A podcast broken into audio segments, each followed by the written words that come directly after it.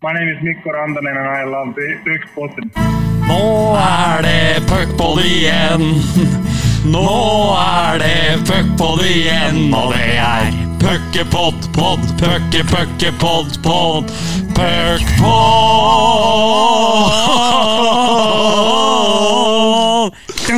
Ja da.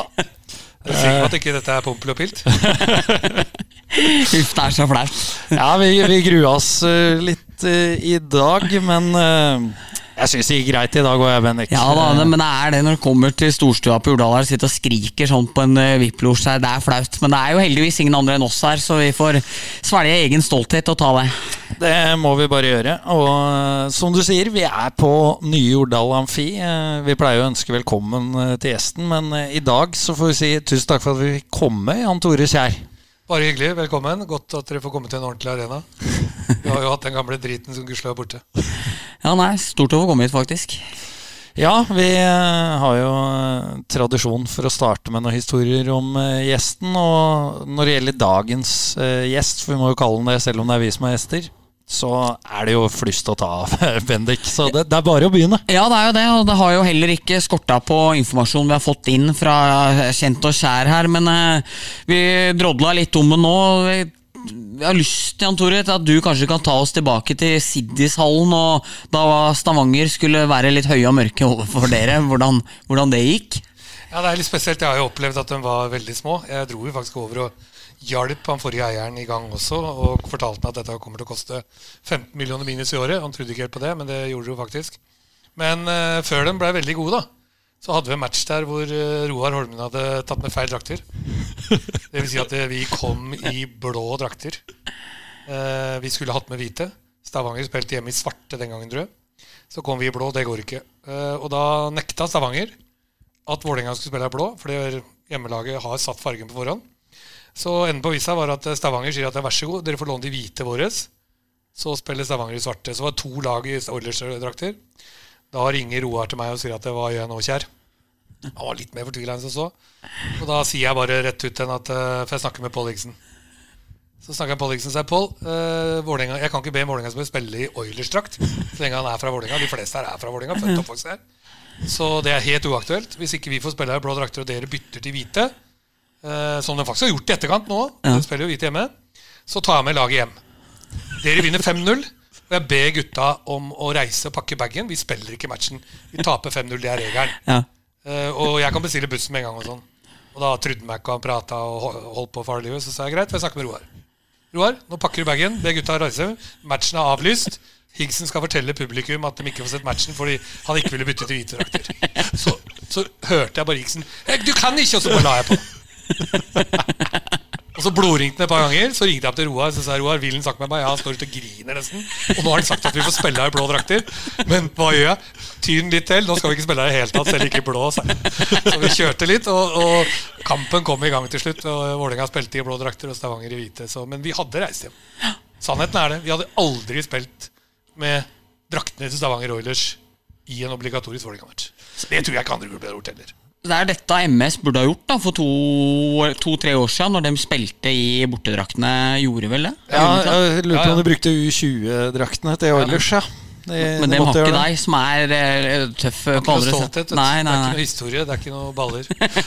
Men det, det, det hører jo med til historien her at eh, dere leda jo serien eh, klart på det tidspunktet og hadde jo ikke noe å tape på. Nei, jo, du har alltid noe å tape. Vi har leda med nesten 19 poeng et år og tapt i siste seriekamp mot var det Storhamar, Storhamar, jeg tror jeg. Så det er aldri over. Ain't over to the fat lady sings, som sier i NHL. Og du veit hvorfor de sier det? Nei, For det er da hun feite dama kommer og synger nasjonalsangen. Da er det slutt. Da er det slutt, ja. Det kan, alt kan skje helt frem til hun begynner å synge. Okay. Så det er ordtaket. Okay. ok. Ain't over to the fat lady sings. Ja, da fikk vi, da fikk vi oppklart uh, den også. Uh, vi skal uh, inn på vår forrige gjest. Vi prata jo litt sammen her før vi begynte innspillinga på Når du ga oss en liten eh, tour her på nye Jordal, eh, Jan Tore. Og eh, vi hadde jo Ståle her, Solbakken forrige podkast, og han har du vært i kontakt med, så vi, vi syns at du skal dele det med folket. Jeg kjente jo ikke Ståle og bare hatt eh, bare vært imponert av ordet i FC København. Men da jeg slutta i Vålerenga i, i 2016, fikk jeg en SMS fra en jeg ikke visste hvem var. Eh, 1.12.2016, to over ni om kvelden. Eh, da fikk jeg Hei, Jan Tore. Kjenner eh, jo ikke deg personlig, men jeg liker ikke klubben din noe særlig heller. men gjør likevel noe jeg aldri har gjort før. Han likte heller ikke klubben min. altså, legg merke til det. Sender en SMS, håper den er til riktig Jan Tore Kjær, og vil bare melde at din rolle i og rundt klubben var terningkast seks. Det var tenkten rundt Iskrigerne og Vålerenga, for det skal slutte. Lykke til i ny jobb. Eh, Ståle Ståle Solbakken. Da måtte jeg bare svare tilbake igjen om du er den riktige Ståle eller ikke. Det, driter jeg i, men tusen takk for den. Så skriver han ja, jeg er Lillestrøm-Ståle. Har vært på Hamar i dag, har du sett Storhamar banke Frisk Asker. Og så etter det var det starten på et uh, greie hvor vi holdt uh, kontakten og fikk danske nummeret hans. Jeg var og besøkte den, og jeg tror faen meg jeg var med på kronerullinga til HamKam en periode der òg. Og Såpass, ja. Ja, jeg tror jeg vippsa over noen penger. ja. Det er ålreit gjort. Nå blir lytterne våre mer glad i deg. Ja, fordi Ståle sa fra. Men hadde det vært Storhamar, så hadde jeg ikke gjort det. Nei, det hadde jeg ikke. Ja, Ståle er en hedersmann, Ja, det, det visste vi jo, men uh, det er godt å få, få det bekrefta. Ja. Uh, Du er jo da litt inne på at du ikke ville donert uh, penger til Storhamar. Og det Storhamar-Vålerenga-forholdet, det må vi jo naturlig nok komme inn på når det gjelder den rollen du har hatt i Vålerenga. Ja, vi har hatt mye opp gjennom åra der. Jeg husker jo Jeg har vært med såpass lenge at jeg veit om oppturer og nedturer i, i hockeyen. En stund er du på topp, og rett etterpå så ligger du med knokketrygg. Og det har jo Storhamar opplevd mange ganger. Det har vi hatt i Vålerenga. Vi har vel levd med en kronisk knokketrygg. Eh, Så, og, og det forholdet mellom Vålerenga og Storhamar er jo litt sånn elsk og hat, eh, men samtidig eh, en respekt for hverandre. da. Eh, og med hverandre har faktisk gjort at vi har holdt oss i toppen av norsk hockey. Fordi bra med publikum, bra oppmerksomhet, som igjen gir sponsor osv. Så, videre, så det er ikke fullt så gærent eh, som mange skal ha det til. Vi skal ikke gå så nøye inn på det famøse tapet mot London Nights, fordi vi vet, jeg vet at uh, Makker Eriksen her har en, en sak eh, til avisa. Rune På- Gullik fyrer seg voldsomt opp over påstandene til Jan Tore Kjær, faktisk. En liten cliffhanger der til uh, våre abonnenter som kan glede seg over den saken igjen. Det kan de helt klart glede seg til. Men vi, vi, må, vi må ha med Jeg har ikke det direkte sitatet, men eh, vi fant en sak om den matchen hvor, hvor eh, Storhamar da blir beskyldt for å ha bestukket eh, Minsk fra Hviterussland.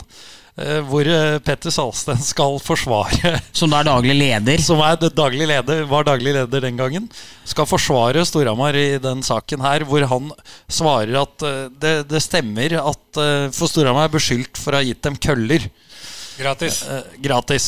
Eh, Petter Salsten bekrefter at Minsk har vært ute etter køller og forsøkt å bytte til seg det mot brennevin. Men i Hva faen skal vi med brennevin på Hamar? Brenner jo sjæl. Men i stedet for å si at eh, det, det har vi ikke gjort, så sier han at det var tilbudet, og jeg henviste videre til Matris. Så han benekter ikke. Nei, nei, det er helt sjukt. Ja, det er sjukt, Til det er- Dagbladet, faktisk. Ja, ja. Nei, men det, Vi hadde jo folk som satt og overhørte det. Vi på Hamar, var sånn tynne vegger, og så var det ikke noe over i taket. Så hører du bare ah, ja, Køllene er gratis hvis dere gjør som vi sier. Da er det jo liksom Hvor beskjeden kom fra. Man kom fra noen fra Storhamar i hvert fall. Og så kom jo kampen da i seg sjøl. Det var en fantastisk helg. Ja, det var helt sjukt. Jeg husker jeg kjørte hjem der, det var 5-0 eller hva det var. Det siste var det en icing puck som gikk i kassa fra ja, Man var fra andre sida, i hvert fall mellom rød og blå fra andre sida. Da var det bare pakka vi bagen og gikk hjem slukøra. Altså. Da tror jeg det var uh, halvannen time med mye skjellsord. Men var, det, var, var dette her TV-sendt? Jeg tror jeg aldri har sett Nei. noen bilder eh, fra det. Det skulle jeg gjerne hatt kloa Og så var det altså. nesten ikke tilskuere, fordi Storhamar var jo ferdig uansett. Så det var jo det var jeg, Andreas Øksnes og Dimas Mirinos som satt raden over de Vålerenga-gutta. Det var han, Roy Johansen, eh, Øystein Olsen, og så tror jeg eh, Bård Sørli, i superhukommelsen min, at det var teamet som satt igjen. Og blei rødere og rødere i pæra, og til slutt så eksploderte en på bordet der. Slo neven eh, og gikk. Og vi satt og meldte litt og sånn òg, så jeg var liksom Jeg, jeg tror det var, tror det var på, på hengende håret, hele opplegget der da. Det var, det var lange tolv mil igjen, tror jeg. Ja, det var langt hjem. det Og det, dagen etterpå så det jo Skulle vi tre, trekke oss fra elitehockey, eller Eliteserieforeningen. Kunne ikke sitte i styret med ledere fra Storhamar der. Og de ringte fra Jeg tror det var fra NRK og debattprogrammer og sånn. Jeg som lurte på om jeg kunne stille om og moral på TV og sånn. Vi var klare, vi, men det var ingen fra Hamar som eh, kunne ta turen til Oslo og bli med i noe debattprogram på NRK om moral og idrett på det ikke- tidspunktet. Det var ikke noe Skype og sånn heller, så det var litt Nei, det er lettere liksom å komme seg unna. Vanskelig å argumentere med at vi takka nei til sprit, og vi gikk heller for uh, Ikke sant? Jeg tror ikke Salsten var så interessert i å være med på det. Nei, Man kan jo bare tenke seg hvis dette hadde vært i dag. Altså, De uttalelsene hadde fort blitt plukka opp. Jo, men jeg tror ikke spillere heller. Det som, det som skuffer meg mest sett etter etterkant, er at ingen av spillere med stolthet bare knekker kølla i faenskap eller blir sinne og sier at faen, gutta, la oss i hvert fall prøve. I dagens idrett så hadde det Jeg tror ikke det hadde skjedd i dag. Men ingen vitner. Det er bare masse påstander. Ingen skal dokumentere noe. Men vi i Vålerenga har alltid rett. Det er, det, er, det er jo en grei holdning å ha til livet, det. Ja, ja. Men får, jeg, får jeg spille inn en? For jeg kom Ja, på en nå. vær så god. Ja, ja, ja. Kjør på. Jeg fikk eh, var en som spurte meg i går om jeg kunne dra opp det her, men eh, det var vel kanskje oppe på det så vidt med TV2. Men da du og sponsorer skulle til eh, USA og se på NHL eh, Det ble litt brigg på Gardermoen. Ja, ja. noen, vil, noen vil hevde at det ble såpass rikelig med brigg at eh, det gikk litt over stokk og stein, og dere, dere fikk ikke reise. Åssen var den turen der? Åssen er det å gå inn på Gardermoen og så gå ut igjen? Nei, den eh, inn er helt suverent. Jeg har gått ut mange ganger òg. Ja, men, men forskjellen er, storyen er så enkel at uh, vi skulle på sponsortur, kommer dit, skal ta Continental Airlines. Ja, 50 pluss eller noen sånne personer. Og så er det noe gærent med flymotoren, og de måtte hente motor fra London, noen deler. Da da den kom til Oslo fra London, så måtte de skru på det her, og så måtte de teste fly, dro den av gårde, kom ned igjen. Da hadde vi sittet i en åtte-ni timer og venta, og så er det sånn Og så har du fått gratis bonger, da. Eh, men det var ikke så gærent som folk skal ha det til. Eh, men i hvert fall enden på visa er at det, eh, det som skjer, er at det er én i følge, en sponsor, jeg kan ikke si hvem, som går inn og røyker på dass. Da, liksom da, da, har du, da har du dratt i lampa ikke sant, på Gardermoen. Eh, når vi skal gå om på, på fly, så sier bare flyvertinnen at det, alle må være om bord innen 30 minutter. For de har så slått i. Hvis de ikke drar av gårde, da, så får ikke de ansatte lov. Da har de bakke, da de, må de være på bakken et døgn. Så kan du tenke deg et helt fly inn på hotellet på Gardermoen kontra å komme seg av gårde fort som faen. Så kommer de om bord, og så rekker de ikke dette, da, og da blir det jo plutselig da sier de plutselig at det, her er fulle folk, skal av. Da kan de få mer slått i. Ja. Dette vi har bevist i etterkant. Men på viset er at når vi går av, så krever, nekter jeg. Så sier jeg bare at vi krever og at politiet kommer og tar en alkotest. Vi hadde folk som ikke hadde drukket engang. Det var én person som var uh, passe berusa, men han sov. Ja. Så stakkars han, han skjønte jo ingenting. Han trodde han var i London. Nei, det trodde han var i USA. Nei, men Så kommer vi av, så blåser vi, og så sier politikken beklager. Det som skjer da, er at eh, Continental Airline gir alle gratis taxihjem. Alle fikk sånn Voyager med gratis taxihjem. Så fikk vi tilbud om ny flytur. Gratis. Og beklaga som faen. Halvparten dro, halvparten måtte gå. Og det var helt random. Det var folk som hadde null i, i, i promille, som også gikk av. Så tenkte vi ja, ja, vi får en ny tur til USA. Vi skal til Miami og sånn. Det var jo trist som faen. Så drar jeg hjem. Kjerringa ble litt overraska da jeg kom hjem. Da, det var en torsdag kveld. Er ikke du i USA? Hun skulle på hytta dagen etterpå. Så storyen er så enkel at eh, jeg tok meg et glass vin med kjerringa. Ikke vi la oss. Så på fredag morgen så hadde jeg fri allikevel. Så tenkte jeg faen, vi drar på hytta. Dro på hytta, Så hadde jeg glemt å lade telefonen, for det hadde vært en lang dag. og sånn så lot jeg den ligge i bilen, lade, var utkjørte snøscooter og alt mulig rart. Så kom jeg inn på ettermiddagen kvelden, lagde mat og kosa. Så kom TV 2 nyheten opp, så var hovedårsak Vålerenga-direktør kasta fly. Så løp ut i bilen. 68 ubesvarte samtaler, og da begynte panikken. Dette var da fredag. Og så angsten er der. Endelig jeg måtte bare sette meg i bilen og dra hjem på lørdag igjen. For det var match her på søndag. Da var det rimelig bra kaos. Så det, men gudskjelov fikk jo fram storyen vår, og, og, og Continental Airlines eh, ja, ga oss gratis flytur i etterkant. Og det som verre var, men ripa var jo Gliste folk her eller på søndag når de så deg da? Ja, folk humra litt, da. Du hadde hatt to dager med litt oppslag i mediene. Men, det, det, er litt sånn Det kan skje. Eh, hvem som har ansvaret, det betyr ikke noe i dag. Men jeg, jeg tok jo Jeg tok jo på vegne av noen. Du kan jo ikke henge ut noen som ikke oppførte seg pent. Kan ikke si at eh, en eller annen direktør i et firma har stått og røyka på Gardermoen som har gjort noen å bli forbanna, eller hva som har skjedd. Det, det kan du ikke. I Vålerenga så står vi sammen om det. Samme hvem som har dritt seg ut. Ja, for jeg vil jo tro åtte-ni timer i vennegjengen vår og Erik, så er det en og annen som skal ha trøbbel med å komme seg på fly da òg, så det er vel ikke Men jeg kan jo beskytte inn, og mens vi sitter der, så kommer en gjeng som går til Rupolding. Ja. Ser på skiskyting. Så klarer vi å kommentere. Fy faen, dem er drita. De kommer ikke med fly. Så vi hadde veddemål om at de kom tilbake. De kom aldri tilbake. igjen. Men vi gikk ut fra Gardermoen igjen. Noen av oss. Halvparten. Ja, du, du har vel et poeng der, Bendik. Det er klart åtte-ni timer med de 0-6-ere på Gardermoen. Ja, det, det kan tunge bli- pokaler. Det er tunge pokaler, ja. Det, det kan være tøft for alle og enhver. Men det er jo bra dere fikk rydda opp. Nå, nå har du fått gitt eh, en versjon til lytterne våre òg, så, så, så får vi se. Versjonen har vært i media før òg, men det, er, det, det blir glemt. Det er helt strålende. Det blir fort, det. Ja, Nå- liten nå ser det ut som du Ja, har mer. Ja, men- kjør på. ja, men jeg har, I dag har jeg Niklas Arnseth. øh, han øh, ekstremt ubegavet hockeyspiller, men øh, veldig øh, gløgg og fin gutt, som øh, sier at øh, i fjor, når- nei, for to år siden, når du var med i Skal vi danse Eller er det i fjor? Nei, det var i fjor. ja. Ja, det var i fjor, unnskyld. Så var det et intervju med deg der du sa at du og kona møttes 1.11.1997. Ja. Eh, og det har da han funnet ut at det er samme dag som Titanic hadde premiere på kino. Ja. Så han lurer rett og slett på om begynte hele eh, Begynte hele eventyret deres med at dere så på Kate og Jack på kinolerretet? Nei, faktisk. Det begynte med at jeg var ute sammen med Sørsbo Wær og et par andre Vålerenga-folk. Roy Johansen på byen. Ja. Og så sto vi på Baron og Baronessen i Oslo. Og så Sørsbo Wær var en sånn damenes uh, Jens. Vinner OL-gull med Canada og sånn. Han uh, ba om eh, det som er kona mi i dag på dans. Akkurat. Så snur han seg gir meg i lommeboka. Jeg husker ikke hvordan han så ut. Hun tok imot en lommebok, og så forsvant hun, og så videre. Så en jeg sto jeg med en lommebok og ikke visste hvem faen det var sin, så måtte jeg opp og åpne den. og så finner hun meg stående borti lyset, gjemt i et hjørne, bladene i lommeboka hennes.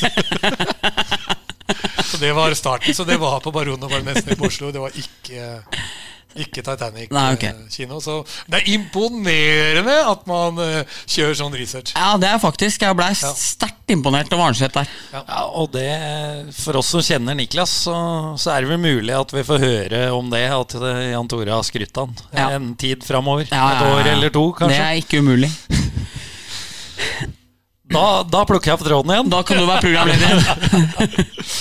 Vi var inne på Storhamar Vålerenga. Uh, vi har vært innom én hendelse. Det er, som du, som du sa, det er, det er mye å ta av. Uh, men NM-finalene i eh, 98, der vet vi også at du har en godbit, uh, Jan Tore, med en eh, svensk keeper som var i, i Vålerenga, Bergqvist. Ja, det var eh, Vi hadde vel eh, vunnet serien og vært ganske gode, tror jeg. Vi har første NM-finalen og var hjemme her på Jordal og blir slakta av bøndene. Eh, Vi drar på Hamar og er like dårlig. Da Bergquist var ikke noe spesielt god i kassa. Han var god hele året. Kommer fra Ferjestad. Og, de, og den gangen var best av fem. Ja, og han var eh, kanongod eh, i serien. Og så plutselig rakna det litt til slutt. Var ikke noe avgjørende keeper. Så kommer jeg opp øverst på tribunen på Hamar der, og så står kona hans og griner. Han var gift, faktisk. Gråter, altså. Jeg bare tenkte det er greit å ha hockeykultur, altså. Men hun gråt og unnskyldte seg eh, at han ikke hadde redda matcha. Så hun lovte at han skulle hjem til Oslo og ta tak i den. Hva det betyr, veit jeg ikke, men uh, han kom til match nummer tre, og da vant vi tre på rappen og ble, vant kongepokalen. Så det, det er sjukt. Ja, det er sjukt. Det er kultur. Den er så sterk. Det er, eh, det er, det er mye man opplever. Altså, det er mange historier man har. Ja, jeg har jo litt sånn i forhold til det også, hvis dere husker sånn som, eh, sånn som vi hadde noen sjekkere. En som sto på Hamar og krangla mer med publikum enn å spille og sånn. En år vi vant. Og, og um, faen het han igjen, da? Slubna? Ja, Klubna, Klubna, Slubna, Slubna, ja. Han sto og gestikulerte litt mot publikum på sida. Plutselig snur han seg, så får han pucken, og så går han opp og scorer. Ikke? Ja, ja. Så det matchen på Hamar Han jobba jo aldri hjemover, så jeg hadde jo måttet kalle inn på kontoret til matchen. Så jeg, hva faen er det du driver med? Jeg husker vi satt der på Jordal i lunsjen eh, dagen etterpå og sa men faen, eh, du, du er jo ikke med i matchen engang. Gestikulerer med publikum og selv om du scorer mål, og så bare Yeah, but uh, you pay me score goals. Løfta han høyre og venstrehånda.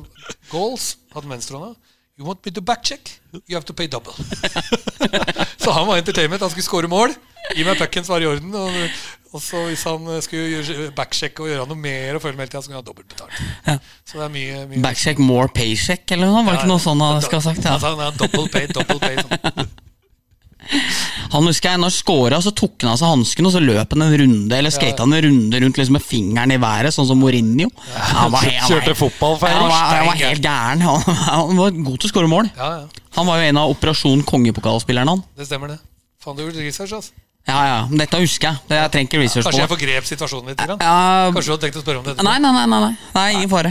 Det, det har vi vært inne på tidligere, Bendik. Dette er jo, Til tross for at det ble et tap da, for Storhamar, så er, er jo dette eh, mest sannsynlig de sluttspillkampene vi har sett flest ganger i opptak. Ja. I fellesskap også. Ja, ja, ja. Det var jo Christian Tygesen som avgjorde matchen på Hamar i kamp fire der, med et jævla slagskudd. Men uh, han skyter jo fra død vinkel, Ja. så han hadde spilt i Klubben, da. Så hadde Kuda åpent mål Ja. uten i kassa, nesten. Japan bytta Storhamar, og Sasha ender opp som bakerst uten kølle. Det er helt desperat Jeg situasjon. husker, jeg husker det så inderlig godt. At jeg, Ja, jeg jeg, jeg reiser meg opp og hyler og ser han legger an til slagskudd. Ikke sant? Ja.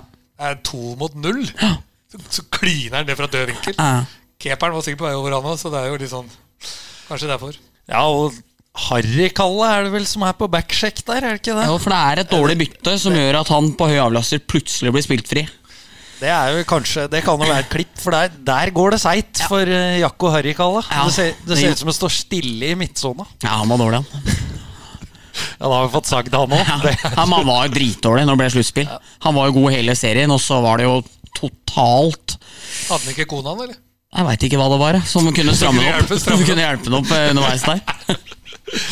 Ble jeg kalt Jakko Høl i kølla den siste perioden der, husker jeg. For det var, han, det var kollapsa i den semifinaliserien. Da Storhamar vinner serien med 33 målpoeng. Og Mats Hansen og Jetman og gutta hadde cruisa. Vålerenga ikke vært i nærheten. Tapte 5-0 på Hamar i nest siste serierunde. Så ble attpåtil Tyrone Garner skada og Tommy Lund litt latterliggjort etter tabba her på Jordal og sånne ting. Så liksom, nå var det blank vei fremover, liksom. Endte med tap, det. Og Tygesen hamra han inn og 5-1 i siste matchen, og der var det, der var det over for Storhamar. Great Day enorm i avgjørende semi der. Ja. Men Tommy Lund rydda opp i det seinere år, da. Det har du sikkert etterpå. Ja, men han hadde, han hadde gjort tabba si. Så det her var jo liksom comebacket, da. Liksom, ja. Ja, for den tabba er jo Jeg husker jeg satt ute på tribunen her, og jeg hadde Einar Gelius like bortafor meg, presten. og såpass. Og han andre Gelius som jobber i NRK. Han er ankermann på nyhetene. Så når Tommy Lund går ut i triumfante der, det er fem minutter utvisning til Storhamar, og det er 17. Så Skal spille fem mot fire, gi inn den pucken fra seg. Gjør det til åpen kasse. Så reiser presten seg opp, altså Einar Gerhus. Det er faen ikke mulig! Det er faen ikke mulig! står han hyler. Og så broren hans, da, som er, jobber i NRK TV radio, eller på TV-en, bare drar i Sett deg ned! Sett deg ned! Du kan ikke si sånn! Bare, faen ikke mulig! Hylte bare. Så det var eh, djevelen som var på besøk fra Hamar. Det veit vi. Det var ikke guddommelig pasning. Er, Så drar vi opp i det jævla fjøset, så er det 7000 mennesker. Det er så I hvert fall. Jeg husker Pål Johan Stokke var sånn der på, på nåde ga han et par ekstra billetter på slutten der. For det sto i lauv med folk som ikke kom inn. Så tapte vi faen skjerma 1-0. 2-1. 2-1. Gudskjelov. Det sorry. jeg fortrenger sånne ting, egentlig. Mm. Om et par år nå så husker jeg ikke at vi tapte engang. Nei, det blir sånn. Men eh, når det gjelder den eh, sjette finalen da, med den berømte Tommy Lund-tabba, så eh, var jo Det var jo folk på Jordal da. Var det det vi skulle inn på? Var det ikke det, Bendik? Jo, da husker jeg at uh, deres overlegendariske speaker Knut Hofsengen og opplyste aldri tilskuertallet. Han sa bare stappfullt. Uh, Så det, det kan vel være at der og Jeg husker det var trangt uh, her da. Ja, men det, det er jo litt sånn uh, være uvære. Hvis du skal bli tatt i ljuget, så er det kanskje best ikke å ha nevnt det. Ja. Nei, men da ta begynner vel litt sånn VM i 99. Det var jo fantastisk da Oslo kommune ønska å fjerne alle tribunene på andre sida av laget, for de skulle lage sånn pressetribune til VM i 99. I mai der.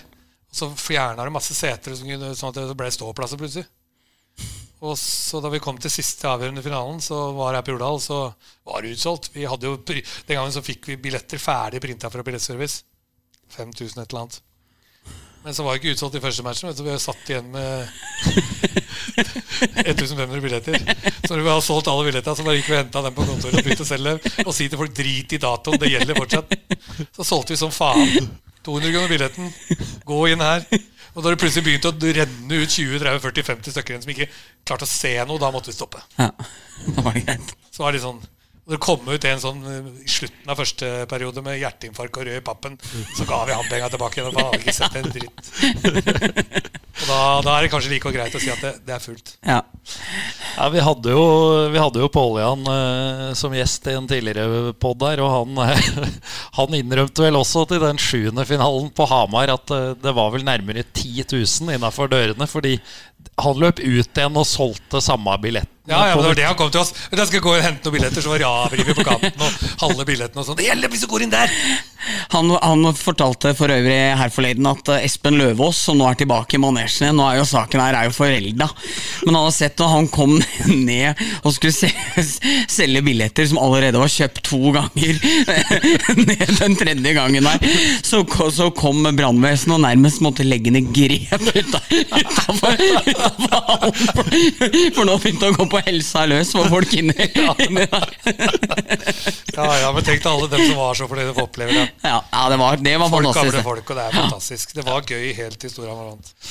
Og, og selv om det ble gull til Storhamar, så ble det jo en liten oppreisning for Tommy Lund også der. For han Ja. var jo enorm i den eh, sjuende kampen. Og, og det må jeg si er noe av det mektigste jeg har sett av en idrettsutøver, når du tenker på det presset etter det Ja, han hadde gjort her i, i finale seks. Jeg får gåsehud når du sier det nå, faktisk. Eh, Det er sant. Jeg tar meg Men, men stort også. Når jeg merker at vi hele tida driver og viser til eh, Odd Magne Doseths eh, fantastiske podkast nå, men i episoden der, som også varmt anbefales, så sier jo Tommy Lunde i den episoden han og Bård Sørli er med, at på oppvarminga, når alle hamarsinger drev og skrek via Tommy Lund og sånn, så begynte Øystein Olsen å lage abligøyer mot tre tribuna og hisse opp publikum, og få vende publikum mot han, da. Som han da Tok for eh, Tommy Lund. At de heller da skulle liksom For han var jo vant til å være i spotlighten på Hamar, det var ikke noe problem.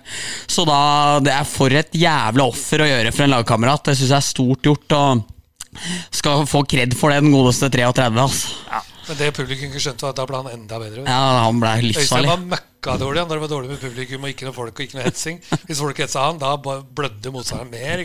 Da spruta litt mer blod, det knakk litt mer bein og armer. Og. Så, men, men Tommy etter den matchen her på Jordal Da han satt der oppe den kvelden og gråt i garderoben og vi prøvde å skjerme fra media. Og sånn. Jeg hadde aldri trodd han skulle klare å spille den matchen på Hamar engang. Og komme tilbake og spille så bra. Og han var jo med i VM også etterpå. Uh.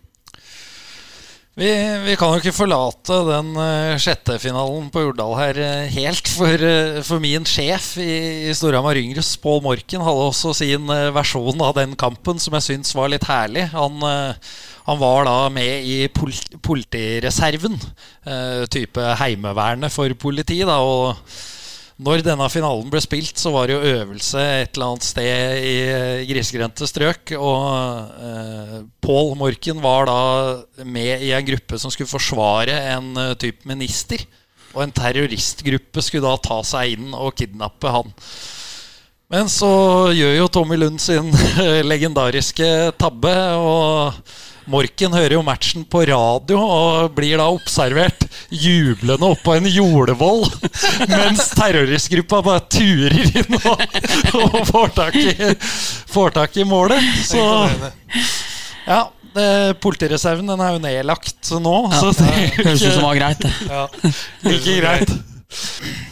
Ja, skal vi gå videre, da? Nå er, nå er vi spent, eh, Jan Tore. For eh, vi har bedt deg kåre din favoritt-Storhamar femmer.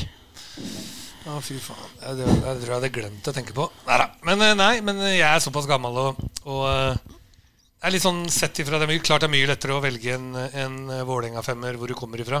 Og det er også dritvanskelig med tanke på norske og utenlandske spillere og fortjener og sånn, men, men beste, beste begynner vi bak. Da beste keeperen gjennom tidene er fra Vålerenga. Jim Ja, Martinsen. det er jeg ikke legger skjul på, så den er krystallklar. Han er vel eh, noe av det beste i norsk hockey gjennom tidene. Eh, selv om det sånn i nyere tid Jim også var jo en sånn Husk at jeg kom, kom med på A-lag til Vålerenga som junior og reservekeeperen til Imeren. Han var sånn, kom med en icing puck så bare tok noe Istedenfor å stoppe med spaken, så flikka han med hælen og sånn. Og bommer han der, så går han i kassa og. Så han var den gamle, gamle skolen. Og, men eh, skal vi se på, på Hvis vi drar opp på Beck-sida, da, så er det jo litt sånn Du kan, jeg kan godt dytte på noen utlendinger og noe greier, men det er litt sånn Uh, På Beck-sida så er jeg vel ikke så sikker på at det har vært noen der lenge nok til å kanskje fortjene det. Utenom, da kommer ikke utenom Salsten, det var norske. Uh, og så er det jo min tid på 80-tallet der. Du ser hvem som går på årets lag mange år på rad. Så er det jo bare én mann, det òg, da. Åge Ellingsen. Ja. Ja. Så er det sånn eh, Du må se på hvem som har blitt hedra uh, over en hel sesong, ikke bare hvem som er noen toppskårer eller noe. Når vi kommer opp på topp der, så er det jo litt sånn Se sånn som en spiller som Larivé, som virkelig har bidratt så lenge, og sånn, men så kommer du ikke rundt uh, mester Erik og sånn, da. Som var så jævla stor som han var. Mm. Uh, så tar du sånn som Pål Johnsen, da. Mm. Ikke sant? Det, det, det, det begynner å bli vanskelig, og det er mm. kanskje mange andre å velge men som har vært jævlig gode over tid der òg. Sistemann. Så da er du på Pål og Mesteren? Ja, Paul Ja. Mesteren. Ja. Larivé veid og funnet for lett. Ja, ja det, du skjønner nivået, ikke sant? Ja, ja. Men, det, men nå er jeg såpass gammel at eh, Hadde du spurt en som yngre enn meg, så er ikke sikkert mester Erik hadde vært der. For du så kanskje ikke hvor god han var. Han kom jo fra en tid hvor Storhamar var på vei oppover og fremover, og så plutselig ble jeg blant de store som var med og vinnere. Så har du spillere som Petter Thoresen som har vært der, som var viktig for det. Um, faen, jeg hadde jo hvem andre jeg hadde på to ganger. da. Ja, jeg er litt usikker på sistemann. Det må kanskje få lov til å komme tilbake på. Er det lov, eller? Det er lov. Det er lov å ta betenkningstid i Ja, ja. Ja. Vi, vi prata vel om det, at da øh, skynder vi oss og prøver en uh, Men, men, men jeg hadde jo i utgangspunktet vet du, det, er, det er vondt, ja. Vet du. Det er sånn, Ole Eskil Dahlstrøm er kanskje Han er jo Furuset-gutt der vi er fra. Så han er vel kanskje den som er lengst framme av de eh, jeg nevnte ved siden av. Så Ole Eskil også var jo Så god. dritgod. Og det var jævlig synd da han ble skada i VM der, den knetaklinga. Eh, hvem var det? Var det Ka Kamenski, Kamenski. som Ja. eh, tok kneet hans. ja, og etter det så ble han jo egentlig aldri seg sjøl, spør du meg. Han var aldri så god. Han var kanongod fram til det. Mm. Eller han var god etterpå. Men jeg tror det forandra karrieren hans litt. Det kan han svare på sjøl. Men eh, ja, jeg tror Jeg har tenkt allerede. Jeg tror han er der. Ja. Så jeg velger fem norske. Ja. For det, det gjorde ikke vi. Eller eh, vi gikk for, eh, vi gikk for litt, eh, litt blanda, men gikk for I Vålinga så tar vi Tommy Lund, da. Vi, han har gitt oss våre største minner i barndommen, så det er umulig å ikke ta med han. Uh, svensk backbesetning med Johan Åkermann og Niklas Gjelstedt, der vi Ja, da går på høyest kvalitet. Altid, Alltid, jeg synes også Både Chartier og Reagan Kelly var fantastiske backer på forskjellige måter å spille på. To helt forskjellige. Men vi har valgt den svenske duoen. Så har vi Øystein Olsen i midten. Kommer ikke unna legenden her. Mattis Olimb, som er den nordmann jeg mener har holdt høyest nivå i Vålinga og nesten i Norge òg, før han reiste ut. Og så en som er Vålinga-gutt, som spilte vel så mye i Storhamar, som jeg, vi i voksen alder er blitt uh, kjent med. Morten Fjell. Fantastisk skøyteløper, fantastisk person. Og han uh, tar siste løperen der, så det er da laget vi ønsker. Ja. Hva syns du? Det er langt unna det jeg ville valgt, men eh, Men vi Men- kan ikke ha med Donald og sånn, vet du. Det Nei, går det, ikke for det oss. blir for gammelt. ikke Ja. sant? Eh, En som, han redda jo mer pucker enn Jimmeren enkelte år. ikke sant? Så, så, og, men igjen så er det vanskelig å velge når du drar et spennet. Så jeg tror vi må ta det over. Sammen når vi i Vålerenga skulle århundrets Vålerenga-lag. Det ble dårlig stemning, da. Ja, det ja det, var liksom, det var en av de største gamle legendene som skitta av gårde en sånn der gullplakett i veggen og dro hjem og sånn. Eh, når utdelinga kom på århundrets lag, men ikke århundrets femmer. Nei. Så det var liksom, den, den banketten var i god Vålerenga-stil. eh, en rein bygdefest, nesten, det òg, altså. Han dro igjen da, når han ikke kom Ja, der. han eh, var en av største gjennom tidene. Han, han var så nærme århundrets femmer, men han kom ikke dit. Og da tok han hele plaketten og kippa han opp på tribunen og veggen og dro hjem. Ja. Ikke har vi sett den siden. Nei. Det er vel, eh, det er vel vinnerkulturen, Jan Tore, som dere snakker eh, og holder høyt foran dere her på Jordal. Ja da, men, men styrkene våre har alltid vært mye av det samme som på Hamar. Er jo en grunnstamme av norske spillere som hele tiden. Det var vi veldig heldige gjennom både 80-, 90- og 2000-tallet. Har en bra stamme av norske spillere og krydrer på med noen utenlandske krydder på toppen, så er det mye lettere å ligge i toppen. Hvis du ser de som ikke var gode i 90- og 2000-tallet, der Vålerenga og Storhamar var best, så ser du det er de som ikke hadde den grunnstammen av norske spillere. Mm. Eh, For du klarer ikke å skape slagkraftig lag. Eh, Derfor var vi best også, Mm. de to laga. Nå slukker de med lyset på Ny-Jordal her. Er det, blir vi kasta ut? Nei, jeg tror ikke det. Det er ikke jeg som er Vi, vi sitter her med styreleder, så burde det gå greit. Dette holder vi gående. Ja, eh, vi må inn på eh, andre ting enn eh, Storhamar-Vålerenga også, selv om vi kunne sikkert sitte og snakka om det til i, i morgen.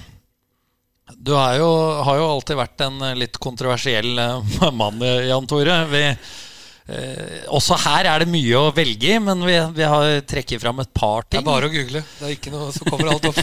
Ja, og vi, vi har fått innspill på det på Twitter også. Vi husker jo situasjonen godt sjøl. Du, du dytta Ole Stian Hansen under en bestemannsprisutdeling her på Vålerenga-Sparta. Jeg dytta han ikke, men eh, jeg skal du ha den ordentlige storyen? Ja, det var vi, jo- vi, vi har sett videoklippet, Ja, ja, ja. så vi vil gjerne høre din versjon. Nei, men det, det begynner lenge før deg, for det begynner under matchen. Han er så jævla dårlig. Det var han jo alltid vært. Men samme faen. Han var jo dårligere Han var mer dårlig enn en noen gang. Så er det liksom meg, meg, meg som dommer og ber irettesette sjampo, ber han komme fram. Og han går ikke borti der sjampo, båsen sjampo står. Han selger seg et og så ber han komme. ikke sant? Så ender det med at Kenneth Larsen får matchstraff, og så får sjampo matchstraff rett etterpå. Så kommer jeg fra vippen over, og så går jeg innom garderoben. da Og så er jo dem rimelig gira, da. Fyrer opp deg òg. Ja, så fyrer de opp meg litt. Så passer jeg du skal dele ut banens beste. Mens jeg står der, så blir det banens beste Så blir det slåsskamp. vet du Rett utafor der. Og da tar jeg tror jeg Sjur Robert og kaster en Vålerenga-kølle på tribunen. Og ordentlig sånn Jeg går imellom og sånn der, da. Og så står vi i banens beste og skjeller jeg ut han der jævla møkkadommeren. Ikke sant? Og så tenker jeg faen, jeg gir banens beste til han. Men jeg er enig, du dytter den ikke. Du Nei, gir den nei, jeg- jævla jeg, hardt. Går den til, gir den til den, Ja. så, og, så, og så dytter den, Jeg gir den den i hendene på han, Ja. så dytter han den tilbake. Han vil ikke ta den imot. Nei. Så jeg bare skyver den inn mot magen hans, Ja. så han må ta den imot. Ja. Og da faker han at den detter. Jeg har sett videoen. Han, han liksom ser ut som han får akutt eh, epilepsianfall. Men men nå, nå er ikke jeg her for å arrestere deg, men jeg skal bare spørre Syns du det er rart at dommeren ikke ville ta imot banens Ja, beste? Ta han du, altså. Jeg sa skal gå, ikke sant? Men så får han epilepsianfall, ser det ut som. Så det var, det var Hadde han vært ærlig der og bare tatt ned mot videre til noen andre, eller gjort noe, så hadde det ikke vært noe Og, mer. men- og da fikk dere poengtrekk. Ja, det sjukeste er vel kanskje i, eh, første gangen i historien at en eh, klubb fikk poeng. Det er ikke lov eller idrettens regler. Eh, du, du kan ikke ta en Selv om jeg var eh, klubbdirektør, så er det sånn Jeg kan ikke påvirke resultatet på banen så lenge jeg ikke er med i matchprotokollen engang. Nei. Så det, det er litt sånn Det er også utfordringer. Men samtidig så var ikke så klage noe særlig på det for å lage enda mer støy. Men jeg var jo rimelig redd på slutten av året der da, at vi hadde tapt noen seriegull pga. de poengene. Da. Jeg hadde tapt på ett poeng, og det hadde vært krise, for da hadde det vært oppslag. Da. Ja, ja, ja. da hadde du stått i historiebøkene. I dag må du bare google, eller en eller annen jævel på Twitter som minner folk på det. Mm. Så du må leite litt for å finne de historiene. Men, eh, men eh, det er mye, mye Men klart, i 19 år så, så er du en følelsesladet person. Ja. Det er jo litt sånn skjedd mye rart. Om det heter Vålerengatunnelen på Hamar og alt som har skjedd. Så opp og ned med tida så har det skjedd mye rart. Ja, det, vi, vi måtte jo finne igjen artikkelen når vi fikk det innspillet på Twitter. Og Ja, ja. Du, du var jo ikke snau i, i dine uttalelser til media heller. For Nei, nei. der eh, ble det vel sagt at eh, Ole Stian sto for tidenes dårligste dommerprestasjon Ja, Historisk dårlig. Ja, og da, og da det sånn der, i, I kampen så etter kampen ikke sant, par, matchstraffer, dommeren får epilepsianfall, eh, du går av der, og han er aggressiv. Han går av nesten. Liksom, du ser han i blikket og sånn. Så det, det var kanskje ikke smartest å snakke med media rett etterpå. Men igjen, idrett er underholdning, det er følelser, det er ikke alltid Jeg er ikke sikkert jeg hadde gjort det i dag. Eh, Men eh, når man er der, så føler man seg ung og udødelig og lever seg så jævlig inn i det. Og det er jo det som også gjør idretten så kul, da. Er jo at eh, du ånder og lever for det. Det er jo samme som når folk sier at ja, men faen, når, når du slutta Vålerenga ja, Jeg jobba vel kanskje for ti år for lenge, setter du på spissen. Men det ble en livsstil, og man åndrer og lever for det døgnet rundt. Har du skværa opp med Ole Stian i etterkant? Nei, det tviler jeg på. kan ikke huske jeg har møtt den siden. Nei. Jeg så han dømme like dårlig et par ganger etterpå. Men. Nei da! Han er, han er fin type, jeg, altså. Jeg har, jeg har snakka med han. Og vi har ikke, men vi har ikke skværa opp den der, tror jeg. For det, jeg tror han aldri han innrømmer at han faka. Nei. Han, han føler at han ble dytta, sikkert. Ja. Men da burde du ta skøytekurs. ja. Det er over ti år siden nå, så er vann under brua nå. Ja, ja, ja. ja. Han, er, han er en herlig type, så det ikke noe mot han som person. Det er bra. Eh, vi kommer jo etter hvert litt inn på, på Iskrigerne. Vi skal ta, ta mer om det etterpå. Men eh, der Vi så jo en scene der du eh, fikk oppgave av Sjampo at her skal det sparkes spillere. Og det ble din jobb. Og det inntrykket fra skjermen er ikke at det er en jobb du hadde veldig lyst til å ta. Nei, det må jeg innrømme. Folk kanskje ser på meg som en kynisk og tøff person, men det er jo egentlig ikke. Uh, husk at Mange av de spillerne som har vært i Vålerenga opp gjennom tidene, så jeg nesten fra skøyteskolen. Kjente foreldra. Plutselig sitter jeg i, i, i garderoben og signerer kontrakter hvor, hvor foreldre begynner å Mora begynner å gråte, for hun kan reise to ganger til Syden ekstra året på det hun sparer i utstyr på sønnen sin. For mm. signerer en utstyrskontrakt med A-laget. Og så kommer det utenlandske spillere òg, uh, som er hyggelige, kjempeålreite gutter som kan ikke klarer å levere det vi krever av dem. da. Og så har du en så fordømt jobb at man eh, er den som skal utføre det fellesskapet ønsker i Vålerenga. Når du får beskjed om at du skal kvitte deg med person, så begynner personen å grine. Da begynner du å grine sjøl. Mm. Så det klarer jeg ikke å holde tilbake. Men jeg har aldri nekta å, å Men jeg har prøvd å være ærlig i verdens gang, da. Istedenfor å, å, å pakke det inn. Men, men, dere har jo også satt synes jeg, en helt legendarisk måte noen ganger å gjøre det på, når dere kanskje ikke har hatt råd til å kvitte dere med utlendinga med å begynne å sette dem ned på U21 nå. Ja, hadde... da, for da får du luka ut spillere, for det er ikke så mange ja, nei, som har lyst til å være med der. Nei, men, men igjen, da skal du se tabba gjorde der. Da. Nå skal ikke ingen navn, det alle skjønner jo det. Men, men da du henter en toppskårer fra, svenske, fra allsvenskan som ikke klarer å treffe kassa engang, så, så sier du bare da, da må jeg gå tilbake og si at Espen, Kanskje du signerer de to andre istedenfor, ja. som ga ham pucka. Ja. Uh, og når du ikke vil se noe interesse, og ingen vil spille sammen Og det er også litt sånn nå, Kontra nå jobber jeg i IT-bransjen. Uh, du har jo arbeidsmiljøloven osv., og, så videre, og det har jo også idretten. Men uh, hva gjør du hvis spiller ikke vil spille sammen spiller? Hva gjør du som leder og trener da? Hvis det, nei, ingen vil spille sammen? Nei, du må jo bli kvitt den, da. Det er jo Ja, men det, så sier spilleren nei, jeg sitter der og tar lønna mi og sånn. Da er du ned på U21. Ja. Og det, det, det, er litt sånn I hvert fall den kulturen om å vinne hele tida. Så har du litt sånn I dag så snakker du om varslere i, i, i arbeidslivet og sånn. Det skjer i idrett nå.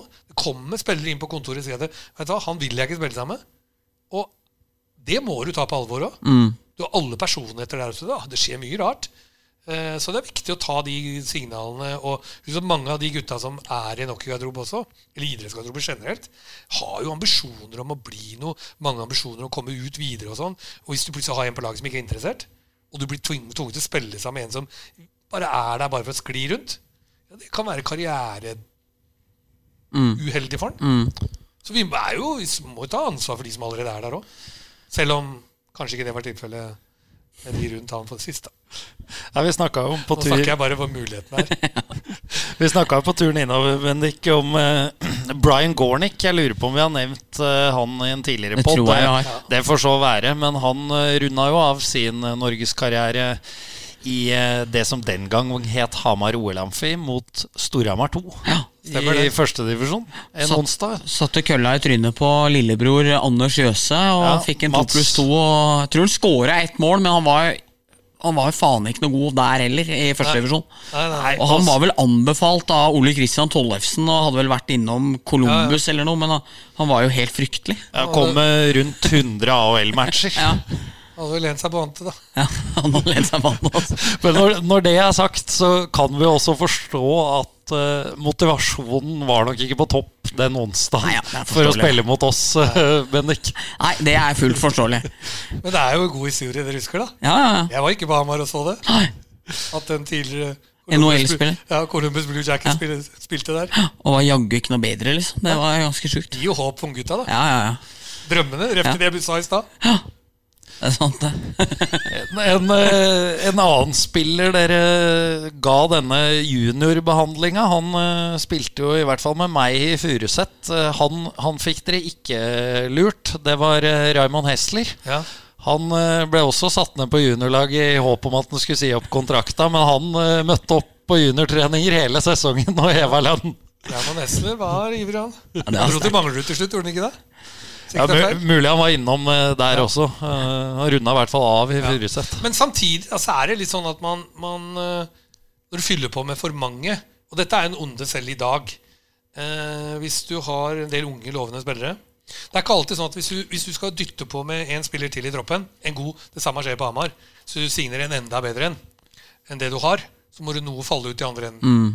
Det er ikke alltid det lønner seg å ta den dårligste eller en ung en. Tenke at det, han kan være god om et par år. Da tar du kanskje en midt i haugen.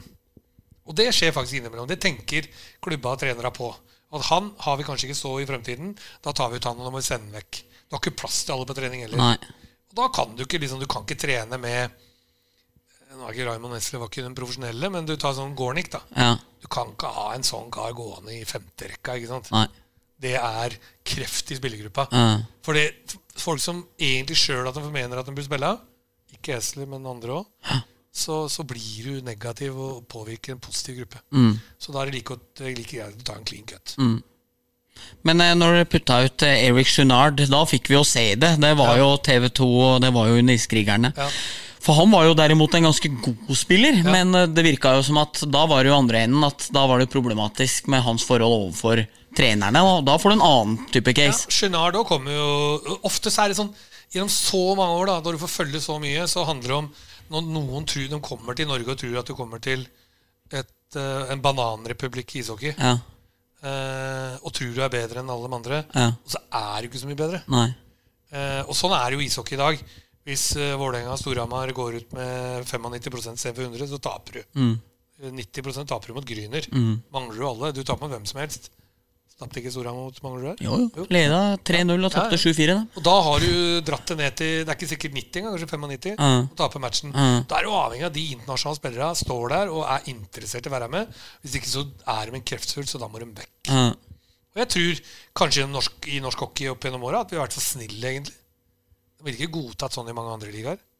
Jeg tror vi nordmenn er altfor snille. Mm. Skulle vært enda tøffere. Så sannheten er skulle vi kicka ut enda flere utlendinger som ikke leverte. Ja, men det, det er jeg faktisk litt enig i, fordi jeg òg altså nå, nå For eksempel da, Stjernen, som har en, en bekk eller to som jeg ikke syns er spesielt bra nå. Canadiere som tar bort istida. Nå har du fått inn O'Brien, har fått inn Eikrem Haugen, fått inn to som løfter laget. Så har du da utenlandske spillere som kanskje er marginalt bedre enn de unge egne de har. Så er jo problemet da at eh, dem koster kanskje 400 500 000 i året. De andre koster nesten ingenting. Det er ikke bare å løse dem. Og det er jo liksom der det ligger et problem. Og at hvordan tenker du at man potensielt da kan løse en kontrakt som gjør at du slipper å måtte betale ut hele lønna, på en måte? Ja, men Selv om du skulle betale ut hele lønna, utfordringa er at mange av disse spillere har ikke trua på at de får penga om de drar. Nei. Hvis de sitter her og mottar lønn, Ja. så veit de at de får penga. Ja. Men pakker du bagen og reiser hjem til Canada, og så sitter du og venter på fire lønninger, så har de ikke trua på at de kommer til å få dem, så de nekter å dra samme pokker. Uh. Så du kan bare be dem om å holde seg hjemme og ikke spille U21 engang. Uh. Så blir de her. Uh. Det skjønner jeg jo. Uh. Men, men betale må du. Men så har de en oppside òg. Sannheten er jo at eh, hvis du tar i andre li liga hvor de betaler mer, da, så er jo vill- spilleren villig til å ta en sluttsum for å dra. Ja. For han får en bra kontrakt et annet sted. Ja. Sannheten er jo de, mange av de spillerne som har reist til Vålerenga, i hvert fall ut, utenlandske spillere, eller mange eller de det er snakk om, har jo fått jobb andre steder. Ja. Og hvorfor skal de få dobbelt opp betalt hvis du ikke leverer varene? Nei, sånn det. Jeg mener Du kommer til en klubb, samme Storhamar og alle andre klubber, har signert spillere som har vært dritskuffende. Sånn På jobben så kan du faktisk snakke til folk som ikke gjør en jobb. Mm. Gjør en uh, i, i hockeyspiller som ikke gidder å ta i. Nei, han kan få fullt betalt eller hva faen han vil. Nei, da mener jeg at vi skulle være litt tøffere. Men vi må jo gjøre på riktig side av loven. Det er viktig, da. Men, men den stoltheten blant profesjonelle og sånne internasjonale profesjonelle hockeyspillere burde vært større, kanskje. Ja. Faen, jeg er ikke god nok. Da drar jeg videre. Er det noen eh, du har uh, tuppa som eh, har blitt forbanna på deg? Ja, ja, det er garantert. Har vi, har vi noen gode historier der? Stevenson-gutta som dro til Sparta, kan jeg love deg dem. Men det har jeg uttalt eh, også en bra story rundt. da Ja. Der, måtte, der var jo liksom når naboene ringte og sa at enten ringer du politiet, eller så ringer jeg politiet. Så det var jo flere ganger de hadde fester. De festa jo som faen. vet du Det De bodde jo, like nedenfor oss da vi bodde på Kampen. da, Erik. Da vi bodde i kollektiv der. og dere hørte vel sikkert hvordan det festa foregikk der oppe. Det var helt jævlig. Klirra i posene når de var på Kiwi. Det ikke bare posene, det var da naboer og alt var Til Bjørn Kolsrud som eide var liksom gamle Donald, eide leiligheten. Da mora hans uh, lå og gråt i nabohuset pga. fest på en torsdag. Det var liksom da, der, ja, da, da. Så De var ikke blide når de dro. De hadde ikke så mye å si da de dro til Sparta. Nei. Men de var ikke så gode der, da, gudskjelov. fortsatte de med festen i, i Det tror, Serp. jeg, det tror jeg de fullførte ikke der heller. Det er fantastisk. Vi har vært så vidt inne på Stavanger. Vi må eh, tilbake dit eh, igjen. Eh, Storhamar lå jo med brukket rygg noen år, og det, det ga jo grobunn for en liten rivalisering med, med Stavanger i, i vest. Og det skjedde jo litt på tribuna der også, med kasting av ting og Ja. Nei, Stavanger er eh, Jeg har ikke noe mot eh, Stavanger-folk, samme som på Hamar i utgangspunktet. det. Eh, I gamle City-salen så var folk veldig eh, Da var vi det beste laget til enhver tid. Og det liksom, folk oppførte seg litt annerledes da. Du kom inn i en ny arena. eh, Folk var veldig kjempehyggelige. Kom inn i en ny arena, så ble det veldig sånn Hatet ble så sterkt at de skulle slå oss. Eh, og når du ble kasta kaffekopper og snusetter og tyggegummi og alt mulig rart, og så sa jeg fra til Tore Kristiansen, så trodde han ikke noe på meg. Han mente at Vålerenga var en gjeng med søppelfolk, og vi var negative for norsk hockey. Eh, på hvordan publikummet vårt Så trodde han ikke på oss. Så spilte vi Niskrigerne, og så så han at det skjedde. Og da ble han ganske overraska, tror jeg. Men det eh, de Stavanger-supporterne skal ha, etter at den episoden på Iskrigerne gikk Neste match når vi kom da, landa på flyplassen Det har jeg aldri opplevd før. Sto en hel gjeng med supportere og med plakater og Jan Tore Kjær og, og beklaga seg. De kom med en flaske sprit til meg til og med. Hva faen jeg skal med det? Fikk beina gå på den. Ja, liksom, nei, jeg, må, jeg drikker ikke sprit. Faen, skal jeg få ikke med meg på fly hjemover heller. Så den ga jeg bort til supporterne der borte. De fikk den tilbake igjen. Men jeg kom inn i hallen, og det var plakater inn i hallen, og sånn, det, det bank i bordet, det var eh, Etter det så opp- opplevde jeg aldri igjen. Nei, det er bra. Så det ble en sånn selvjustis der. Eh, Så, men fram til det så trodde alle at de egentlig kunne gjøre det, og alt var hyggelig. Det skjer ting på Hurdal òg. Faen, Vi har ikke verdens snilleste publikum, vi heller. Men så har jeg aldri påstått at de er her heller. Nei. Det er de ikke på Hamar heller. Nei, nei, nei. Røft i Vålerengatunnelen Og det er jo mange ganger jeg har opplevd mye rart på Hamar. Ja. Ja, det Be- Bendik Men jeg tåler det jo! Ja, Jeg, ja. jeg, jeg ble ikke overraska om det skjedde. Nei. Nei, Bendik var jo Det har vært inne på flere ganger. Vi, kan, vi tar det alltid når vi har gjester fra Vålerenga. Bendik var jo en sentral figur, han eh, over uh, Vålerenga-boksen i gamle dager. Den fikk lov å drive på herje helt vilt. Ti-tolvåringer som vi var da, og skrek og helte brus ned i benka der og holdt på. Det var, Måtte ta timeouten på andre sida, og da løp vi over der. Og nei, det var akkurat sånn det skulle være. Må ha noen drittunger òg. Det, er liksom, det gjør litt eh, det, det gjør det litt. det. Er en del av historien. Og godt vi er blitt voksne. Det er korrekt. Iskrigerne, det var jo utvilsomt bra, bra for Vålerenga. God PR for dere. Men jeg har lyst til å spørre deg, du som har vært sirkusdirektør her eh, i, Vålerenga. Eh, hvordan ser du på det for, eh, for norsk hockey? Altså, da tenker jeg på scener eh, hvor vi ser deg finne NM-medaljer i skuffen som du ikke vet du har. Og, eh, med tanke på norsk hockeys pølsepapirregnskap-rykte. Ja. Det var litt av et ord. Ja, ja, ja. Nei, men du må vite at det her er eh, Det er jo Feel Good TV. Eh, og kongepokalen var der. Men det var bare det at det skapet var fullt. Eh, og Nei, men det er helt sant. Ja. Jeg sa det var et innbrudd, så var noe var stært, så det var litt sånn Det var satt inn noen yngrespokaler og litt sånt, og så ble han bare liggende der. De medaljene var jo at eh, de som følger med i norsk hockey og Storhamar har jo vunnet noen ganger, dem òg.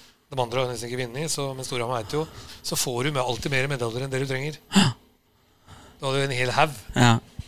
Og så har du noen utlendinger som drar inn når du får, og så et eller annet. I hvert fall Vinner du gull, så i hvert fall delt ut der og da. Ja. Får du ikke gull, så er det ikke så nøye for mange. Nei.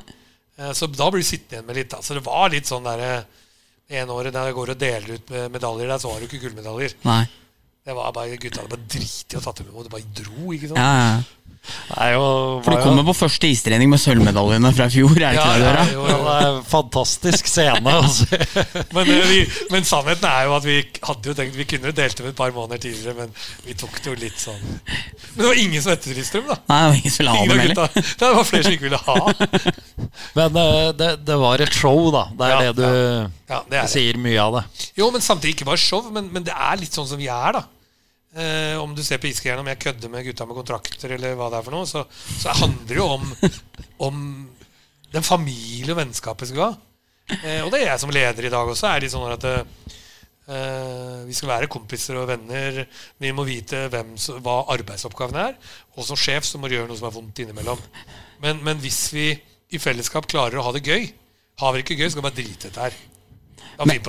Men sto det i kontrakta til Folle at den skulle være klovn på Ja, kjøpesenteret? ja. ja, men det var jo halve, det var jo halve moroa, det å gjøre sånne ting.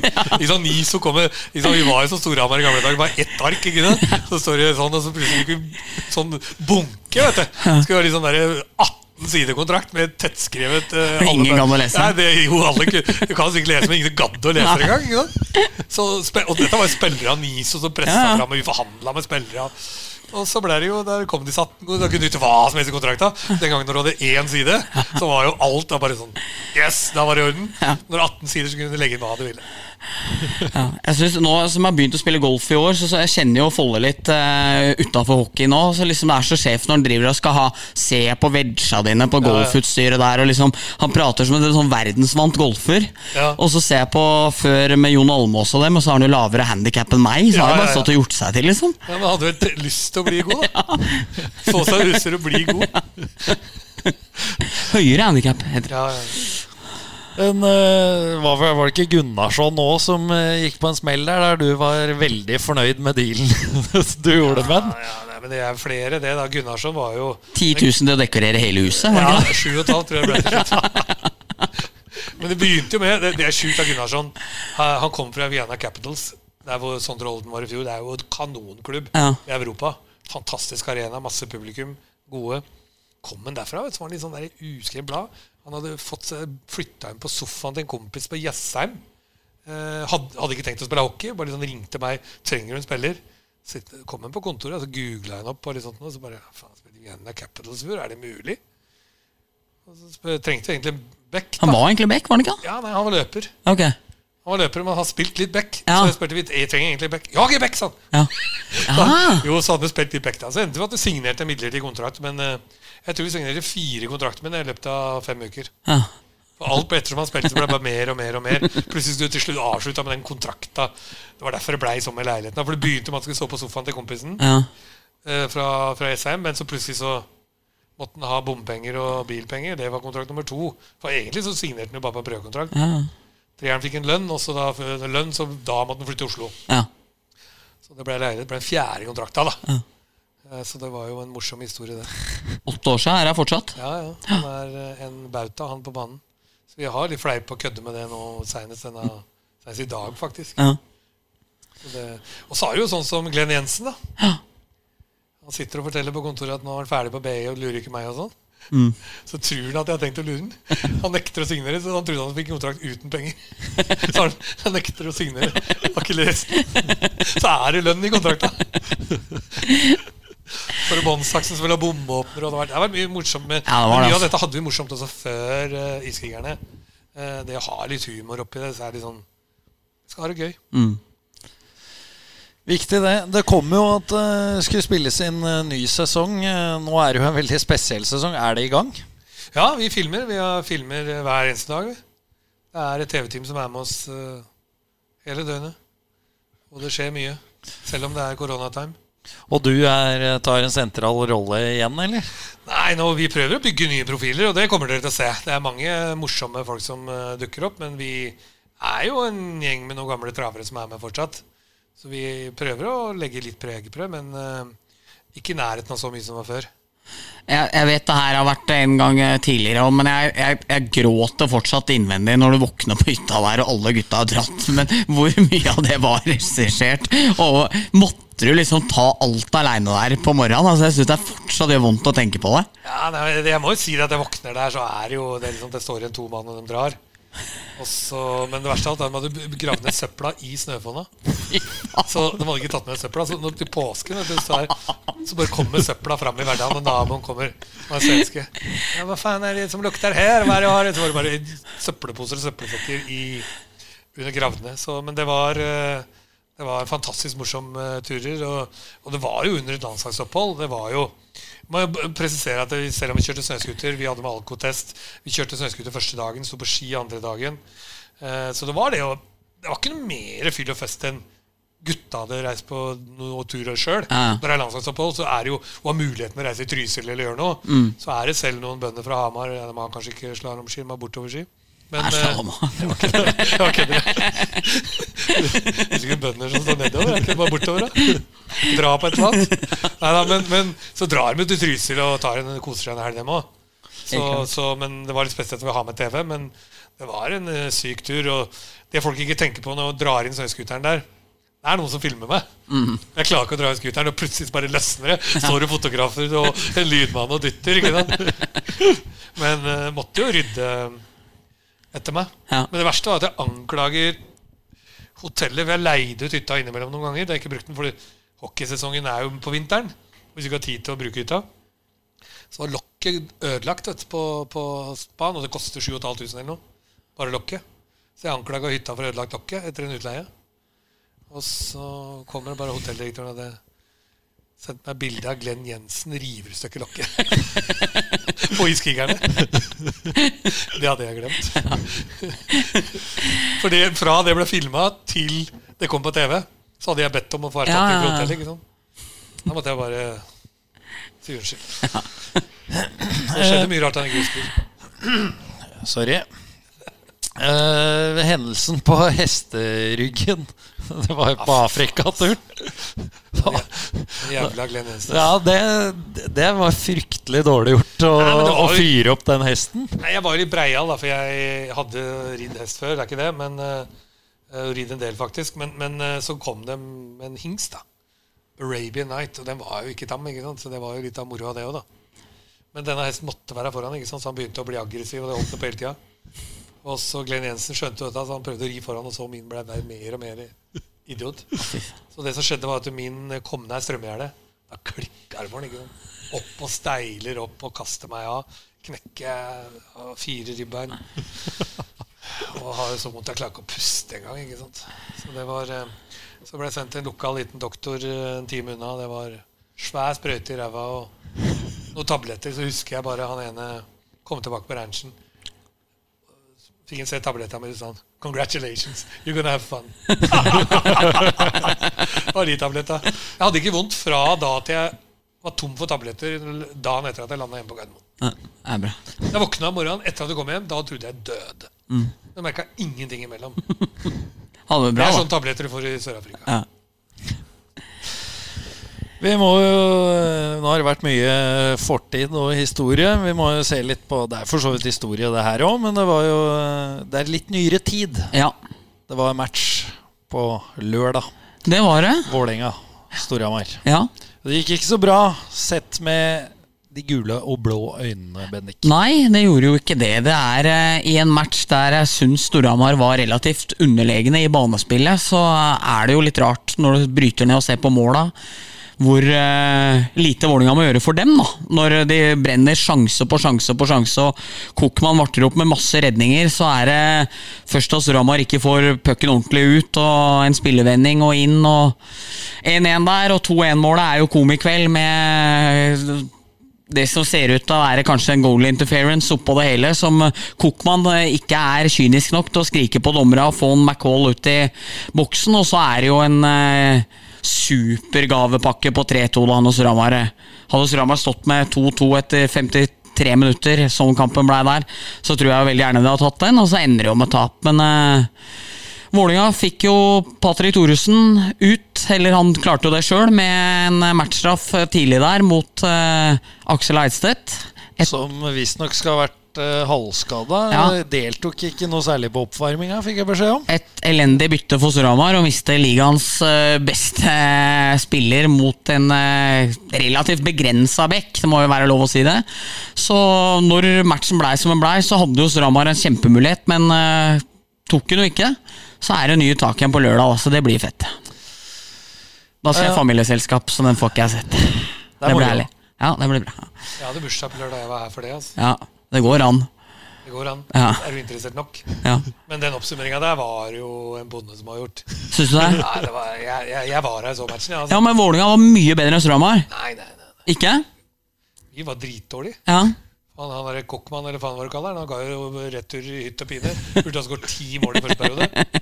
Fucka fløy jo all over the place. Nei, nei, men det, det, det her er det interessante. Jeg skal ikke gå i dybden på det, men her er det interessante er at hvilke øyne du ser på, og du, hvilken vinkel du ser det fra, så er det jo hva du er misfornøyd med. Så, så eh, man kommer aldri til å være enig. Nei, men men det en ting skal være Thoresen ha. Thoresen i bytten før han begynner å slåss der, da. Så får han seg en på trynet Mm. ordentlig etter avblåsing, som jeg mener er utvisning på Vålerenga-spilleren. Men hvor han snur seg til dommeren helt iskald og bare sier 'er det lov å slåss nå', eller? Mm. Sier han bare høyt til dommeren. Ja. Er det lov til å slå, tror jeg han sa. eller sånt nå. For han fikk seg midt på trynet lenge etterpå. Det er da bytten før. Bytten faktisk før det her skjer. Så kommer han inn i da nest, rett etter droppen, og så begynner Og det er han som slår først, plutselig. Fra å være så iskald og rutinert som det Thoresen er, til noen sekunder etterpå å miste huet. Og én ting er å slå Aksel, for han slår først. Eh, til å dra seg en slåsskamp som ender så mye og så langt, som en så viktig person som eh, Patrick er, og så god som han er. Han er jo Norges beste hockeyspiller. Mm. Eh, og for Vålerenga, eller for Storhamar sin del, at de ikke matcha før. Det er også merkelig. Karterud Ja. hadde sammenslåsskampen og fikk to. Ja. Nå fikk han ingenting. Jeg trodde han skulle få to. Ja. Men, men fra å ikke ville slåss til å ta en så lang slåsskamp, så syns jeg det var ganske urutinert. Det nevnte jeg for ham på tribunen nå, Ja. hva som skjedde. Jeg vet ikke om han ville møte faren sin som satt der oppe, eller hva det var. men Sånn, Åssen var humøret hans da? det var ikke så Ikke deprimert. Nei. Han var deprimert? Nei. Nei.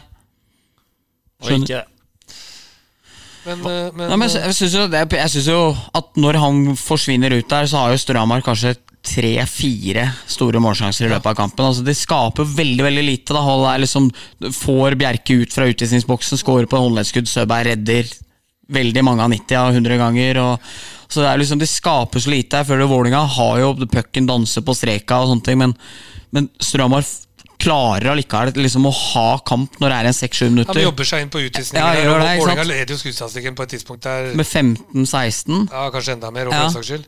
Men, og, og slipper seg ned igjen. Så, sånn er matchen. Ja. Den ene er misfornøyd med det ene, og den andre er misfornøyd med den andre delen. Men det var Så, intenst, da. Det var litt sånn der god gammel Sørhamar-Vålerenga-match. Krangle på vei inn i båsen og liksom litt sånn. hadde det vært publikum her, så hadde det vært tidenes kamp. Ja, det tror jeg. Men eh, det var jo ikke publikum, men eh, det må jo ha vært en litt eh, Det var et viktig stikk å ta første på, på Nye Jordal, i og med at uh, bønda, som du, som du kaller oss, eh, tok det siste på gamle. Så du kaller oss? Hva er, hva er postnummeret? Telefonnummer på 62, altså. Er det noen ringer fra 62, så må du inn i Lotto. Nei da, nei da. Men, men det var deilig det å vinne den matchen. Men det er med litt sånn der uten publikum. Eh, og så er det jo litt sånn når jeg kødder om bøndene, og, og det er jo sånn som jeg har sagt tidligere, så er det sånn det, det der med rivaliseringa som mange også klarer å kalle det et ord hat på. Det er jo ikke For oss som jobber bak scenen, så er det ikke hat. Eh, Vi har respekt for hverandre i klubba. Vi jobber tett sammen. Vi utveksler informasjon osv. Vi er konkurrenter. Sunn konkurranse. Hat blir, er også litt sånn der som skjer litt publikum og litt media og fyrer opp under flere er følelser. Men hat er også farlig ord. da Ref til dere når du snakker om dere var unge og kanskje dro den litt over streken. og sånn Så her må vi passe på at det ikke det går for langt. Mm. Eh, Vi må forstå at mye av det som skjer, er med glimt i øyet. Da. Mm. Det er klart. Eh, Det, skal, det er underholdning, det her. Det skal være litt sirkus. Ja, og vi gleder oss jo enormt etter å nå endelig fått sett uh, anlegget her uh, ferdig, Bendik, til, Ja. å, til å se det med Ja, vi satt vel en strek cirka på rødlinja. Det er vel derfra og ut det skal være Hamar-folk når, De, eh, når det blir de billetta blir ikke tilhengere på Hamar som i gamle dager. I gamle dager satt vi her og håpa at det skulle komme masse bønder. vet du Da tjente vi masse penger, skrudde opp prisen litt og sånn. ikke sant? Og tenkte at fy faen, nå kommer det horder nedover V6 her til vi gnei oss ennå. Nå, se- se- nå er målet å selge de billetta før de bøndene kommer hit. da Så nå må du Må kjøpe på nett. Men, må holde seg til kvota. Ja. Nei, men vi håper jo det som alle arenaer. Jeg uh, har sagt det tidligere, Stavanger Oilers uh, har jo egentlig vist veien i norsk hockey på arena. Uh, nå ble ikke Hamar Ole Amfi ble ikke det sånn foregangsarena eh, da ble bygd til OL. Er ingen som snakka om at dette er den nye tiden, og osv., for det var en OL-arena. Eh, men Stavanger Oilers har lagd en entertainment-arena som har vært tettpakka og underholdning fra A til Å. med servering og muligheter som ingen har sett i norsk hockey før. Nå har vi fått det her på Jordal. Jeg må bare si igjen, hadde det ikke vært for Stavanger Oilers og det Tore Kristiansen Oilers har fått til, så tror jeg ikke vi i Vålerenga hadde klart å få til det samme. Eh, så, så sånn sett så, så må vi takke for det. Og jeg tror også videre nå det ser, samme skjer eh, både i Asker og i Fredrikstad. Eh, det kommer jo også å legge press på politikerne på Hamar og kanskje gjøre noe mer med Hamar OL-amfi. Gi bedre muligheter for servering og fasiliteter osv. For i dag så kan du gå og se på kino eller teater og kose deg med en pils, og du kan ta et glass vin, spise god mat osv. Den tida hvor du bare får en uh, kald pølse og en vaffel, og litt sånt, den er litt forbi. Dagens folk krever litt mer. Og uh vi har jo, By- og bygdelista har jo fått på plass uh, en, den riktige mannen der. Det er de, de som er ordføreren i Hamar. Ja, ja, ja. Uh, Niklas Arnseth, som vi har vært inne på i poden, han uh, sto jo plutselig på lista der i forrige kommunevalg. Uh, og han hadde én sak, én hjertesak personlig, og det var utvida skjenketid. Ja. Det er i orden. Ja, han er meget fornøyd med det, Niklas. Jeg kulminerte den her. Ja, ja. Er ikke det det heter? Når du tar på et annet parti enn hva du egentlig stemmer på? Ja, ja. Vi skal uh, ta et kjapt resultattips til uh, lørdagens oppgjør uh, mellom laga før vi går til de faste spaltene. Storhamar-Vålerenga på lørdag, Jan Tore? 4-2 til Vålerenga. 3-2 til Storhamar. Så får vi se om mannen med det kule navnet, Tommy Taimi, avgjør igjen, hvis Jan Tore får rett. Han spiller i begge hender. han trenger ikke dobbelt betalt. Nei, han er ikke det. Altså. Backsjekker og forsjekker og skårer mål. Me meget bra back. Ja. Hva tror du, Erik? Får jeg lov å tippe på? Mm. Jeg trodde jeg bare var ordstyrer. Nei, Jeg tror Storhamar eh, slår tilbake tilbake. Tror Patrick uh, spiller hele matchen, og at det blir tungen på vektskåla. Jeg sier 3-1 ja. til Storhamar. Ukens røver. Ja, nå har jo Jan Tore mata på så bra her, så dette er virkelig å hoppe etter Wirkola. Men uh, får prøve igjen når uh, vi er, i og med at vi er i Vålingaland og vi har snakka om masse spillere her og sånne ting, så får jeg Denne òg er jo hørt, da, fra tidligere nevnte her, så er vel da Steffen Stø... Har du hørt? Da Steffen Søberg kom til Vålinga og hadde vært i MS, hadde jo tidligere vært og spilt collegehockey eller uh, universitetshockey eller hva du kaller det, over der, så var han jo et ubeskrevet blad for mange her på Urdal som ikke hadde vært veldig mye ute i Mangerdalen. Selv om han hadde vært god der, så var det ikke alle som visste det. Og så var det vel noen som hadde spurt Stig Myggen Johansen hvorvidt han var god eller ikke. Og sagt ja, Myggen er en god, han nye keeperen, eller? God han? Ikke engang jeg scora på han, altså. så, så, det var da fra Myggens side en klar indikator på at dette var en strålende keeper. Ydmyk og fin der, eh, Myggen. Ja. Breial heter det på vålerengelsk.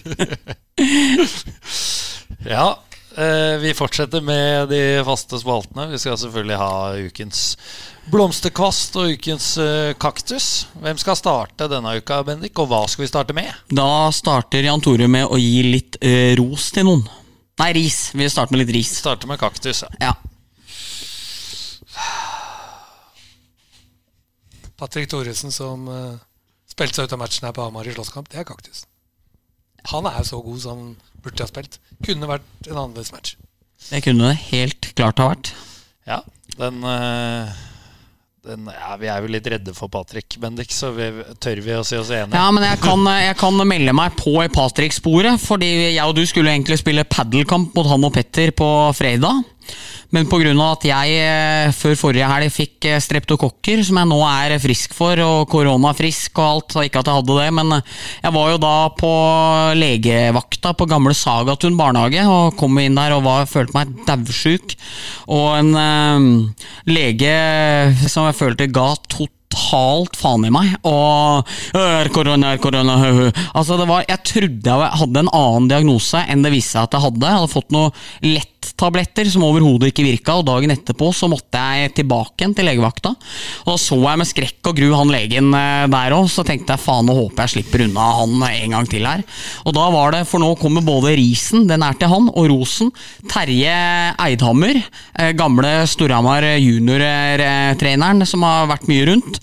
Han var da Han var da hva heter det når det er den som jeg er sånn, sånn um, sykepleier, og, og satte seg ned. EKG-en min var gått opp med 140, for det gadd ikke han dagen før. Alt var helt kokos. Satt der, tok meg, tok meg seriøst på en fin måte. Fulgte meg opp gjennom hele uka han var sjuk. Jævlig synd med den padelmatchen, men eh, til helsepersonellet og til Terje, strålende, tusen takk. Og til han kokosen som eh, ikke var interessert, så ble putta han under bussen denne uka her. Ja, det hørtes jo fortjent ut. Ja. Kan ikke si noe annet. Uh, Patrick mente jo at eh, Bendik hadde fått Thoresen-flu når han meldte avbud til, til Ja, altså. Det har jeg ikke, så den, den matchen skal vi få spilt. Så det er ikke noe å lure på. Ja, Men her må jeg virkelig få det, her, Derfor var det veldig viktig at jeg fikk hele den greia her i ris og rosen, sånn at uh, folk får underbygd historia mi. Ja, det, det er greit. Og matchen som kommer, den ser du selvfølgelig på HA-TV. Korrekt. Det I hvert fall hvis du er med familien. Mm. Og ikke er interessert. Vi, vi, eh, vi nå, nå tenkte jeg på Er det padel. dåp eller fødsel eller Ja, nå, nå fikk du sånn- for at du ikke skal på Storhamar Vålerenga. Jeg tenkte på padelmatch. Nei, nei, nei, det er hockeymatchen. Nei, nei, nei, nei, det er jo det- Den ser du på sumo. ja, det, er, det er familien til frua. da Du har ikke like gode kort på å komme deg unna som hadde vært egen familie. Så er det lettere å en. Ja, ja, ja, det har ikke Det har Kommer til å blø for det seinere ja, ja, så det, det, har- det gjorde ikke jeg. Så det, Så du men jeg gleder meg stort til det. Altså Opp til Gåsbu der og få litt mat og bli trivelig. det, så det En av fylkets største tøffelhelter sjøl, Bendik. Ja. Så det, jeg eh, føler med deg. Ja, du vet åssen Ja, men dere har fått lov til å komme til Oslo i kveld, altså. Det er hyggelig. Ja. Det er veldig hyggelig. Min eh, kaktus den går til eh, for å si nyere teknologi. Det er riktignok mye fint der. Jan Tore, du driver jo i bransjen. Men kom over en artikkel her. det har jo nå kommet sånne AI-kameraer som du filmer idrett med. Det er også på plass til eh, hockey-TV som sender juniorkamper og sånn. Eh, Dette har de begynt med i førstedivisjon i Skottland, i fotballen der. Eh, Men den er jo da innstilt på at den skal følge ballen, dette kameraet, som da styrer seg sjøl. Problemet er jo bare at linjemannen nærmest kamera, han er skalla. ja, det så jeg. Så, så skåringene de fikk du noen ganger da når det var på hans banehalvdel. Se oppe i høyre hjørne, fordi hovedfokus det var rett i issen på, på linjemannen. Ja, den er så sterk. Er. Så litt tidlig, kanskje. Jeg tror de må jobbe litt mer med den teknologien. Men så blir det sikkert veldig bra på sikt. Det er bra. Vi kjører eh, ros, eh, Jan Tore. Er det noen du har lyst til å skryte av? Eh, Vi er, i, er vi, vi er i hockeyen. Du er overalt. All over the place. Ja, vi kan være, Du kan være hvor du vil. Nei, men jeg skryter av Bodø-Glimt som blir seriemester i, i fotball. Ja, Det var Så god de har vært. ja, og Det hadde ingen som hadde trodd. Det, er, det viser at alt er mulig i idrett. Det er bare så synd at det, det ikke kommer til å gjenta seg med en gang. Mm. sannsynlig. Det ser vi jo all historikk på. Det er De tradisjonelle klubba kommer alltid tilbake. De som vinner en gang iblant, skal få det tøft eh, over lengre tid. Men eh, du ser Strømsgodset nå ligge i toppen og plutselig ligger mer til bånn. Men Bodø-Glimt er eh, fortjener all ære. Mm, enig. Det har vært moro å følge dem. Og som eh, eh, du dro opp i forrige pod eh, med min eh, At jeg er Tromsø-supporter, så så jeg at Ja, Gratulerer med det òg, da. Ja, Ja, grattis. takk for Kan, det. kan, få en, kan få en liten bit, den òg, da. der så jeg at uh, en Tromsø-fanpage eh, hadde vært ute, og den var ikke snaue og tok liksom æren at dette var en stor dag for nordnorsk fotball. Ja. Flagg, flaggskipet er tilbake, hadde de skrevet. Men det var viktig for HamKam òg, at han Yttergård Jensen hamra den, eller la den opp i krysset på slutten her. At eh, det, så nå, jo, nå har jo Kongsvinger stelt i stand, så får vi se når det blir noe mer matcher i den ligaen. Så er det gull. Ja, det, det var fryd å lese intervjuet med han eh, Åsane-treneren i, treneren i VG. Ja, det, han kjørte på. Men når vi er inne på Kamma da da jeg møtte Fredrik Garsol, som ble trukket fram av Ståle i, i forrige pod at han var så dårlig i form på en, på en løpetur. Eh, Garsol hadde vært ute med norovirus der i dagene før den løpeturen, så det, jeg lova han å presisere det, at han var egentlig i god form. Ja. Så da slenger vi på en liten kaktus til Ståle der, for å ikke fortelle hele historien. Ja. Men det er sånn det blir gode historier, da. Ja, helt enig. Men da har jeg gjort det, så kan jeg hilse på Fredrik med å være rak i ryggen. Bendik? Vi runder av. Nei, det Gjør vi ikke? Ja, du er ferdig med din ros. Eller er du ferdig med din Nei, men jeg trodde du sa sånn Bendik, ja, men jeg er jo ferdig med rosen her. Jeg ja, ga til. Eidamer. Ja. Så jeg hadde notert Ja, meg to igjen, ja. Jeg hadde notert meg Robin Haglund Mathisen at jeg hadde tenkt å gi Rosland eh, for eh, vanvittig poengsanking, eh, og at Oilers har sin beste spiller utlånt til MS. Så, så syns jeg det har vært fett med han. Ja. Da kan jeg slenge på Stein André Hagen, Hamarsingen i, i Lillehammer. Eh, hadde jo jubileum oppe i Narvik. Spilte sin 150. kamp i, i eh, Eliteserien. Fjordkraftligaen. Eh, og da skåra han sitt første mål. Fin skåring var det òg. Veldig fin skåring, men eh, ja, fortjent eh, blomsterkast til Stein André. Det, selv om det var på tide, var det ikke det? Jo. 150 matcher da. Tenk deg når du har spilt 450 og skåret tre mål. Det er liksom Det er karriere. Ja, det er stort. Begynner vi, og Du prøvde jo å runde av, så da kan vi jo kanskje gjøre det. da Jeg ser at vi har drevet på 1 time og 20 minutter. Og så da er det da er jo tøfflusen må hjem igjen og gløder i telefonen her. Så nå da tror Ja, jeg nesten vi må runde av. Jeg lovte jeg skulle være hjemme til ti, så det, det, er, det er nok lurt. Kjør på. Nei da, blir nok tilgitt. Men uh, tusen takk for at vi kom med, Jan Tore. At du tok deg tid til å skravle litt med oss. Takk det samme. Det var moro. Ja, tusen takk. Og eh, du skal vel komme med din faste oppfordring? Ja, det syns jeg. Stem eh, fem stjerner på oss i eh, podkastappen. Spre ordet. Gi oss noen retweets. Gjør oss så store som Make Puckpodden great, er det ikke det vi sier? Og så takker vi av for det. Takk for at du hørte på. På gjenhør. På gjenhør.